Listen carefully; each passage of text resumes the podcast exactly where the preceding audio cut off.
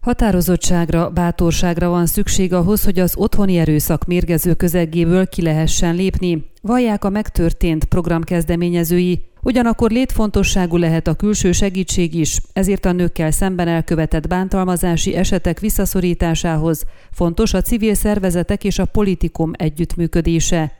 Megtörtént címmel indított a nők bántalmazásának visszaszorítását célzó programot az RMDS udvarhelyszéki nőszervezete.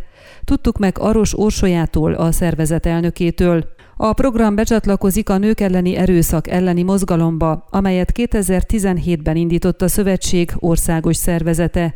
A kezdeményezés három pillérre támaszkodik, a tájékoztatásra, tudatosításra és törvénymódosításra. A nők elleni erőszak olyan kérdéskör, amelyet Székelyföldön is tabuként kezelünk, viszont ha minél többet beszélünk róla, minél inkább bátorítjuk a hölgyeket, annál inkább vissza tudjuk szorítani ezt a jelenséget, magyarázta Arós Orsolya. A program elsősorban a 18-50 év közötti korosztályoknak szól, tudtuk meg Pál Boglárkától, a megtörtént program ötletgazdájától. Sajnos nagyon sok nőnek normális lett, hogy bántalmazó kapcsolatban él.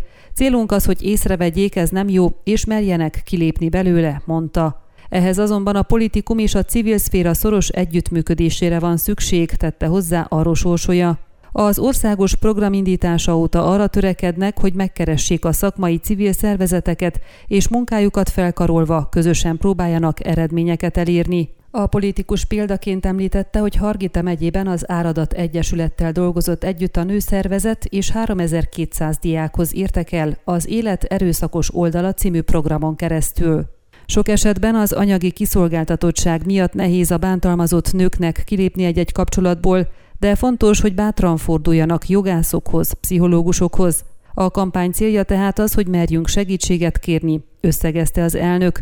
A megtörtént program keretében csütörtökön 18 óra korvetítéssel egybekötött nyilvános fórumot szerveznek Székelyudvarhelyen, a Páva étteremben. Ne a rossz mintákat örökítsük tovább, mondta Aros Orsolya, annak kapcsán, hogy az eseményre meghívott pszichológusok, politikusok, jogászok kitérnek majd a toxikus családi környezetben nevelkedő gyerekek helyzetére is. A program mindenki számára nyitott, mondta Pál Boglárka, ezért a megbeszélésre nem csak nőket, hanem férfiakat is várnak, hiszen a teljes képhez az ő meglátásaikra, ötleteikre is szükség van. Ön a Székelyhon aktuális podcastjét hallgatta. Amennyiben nem akar lemaradni a régió életéről a jövőben sem, akkor iratkozzon fel a csatornára, vagy keresse podcast műsorainkat a székelyhon.pro portálon.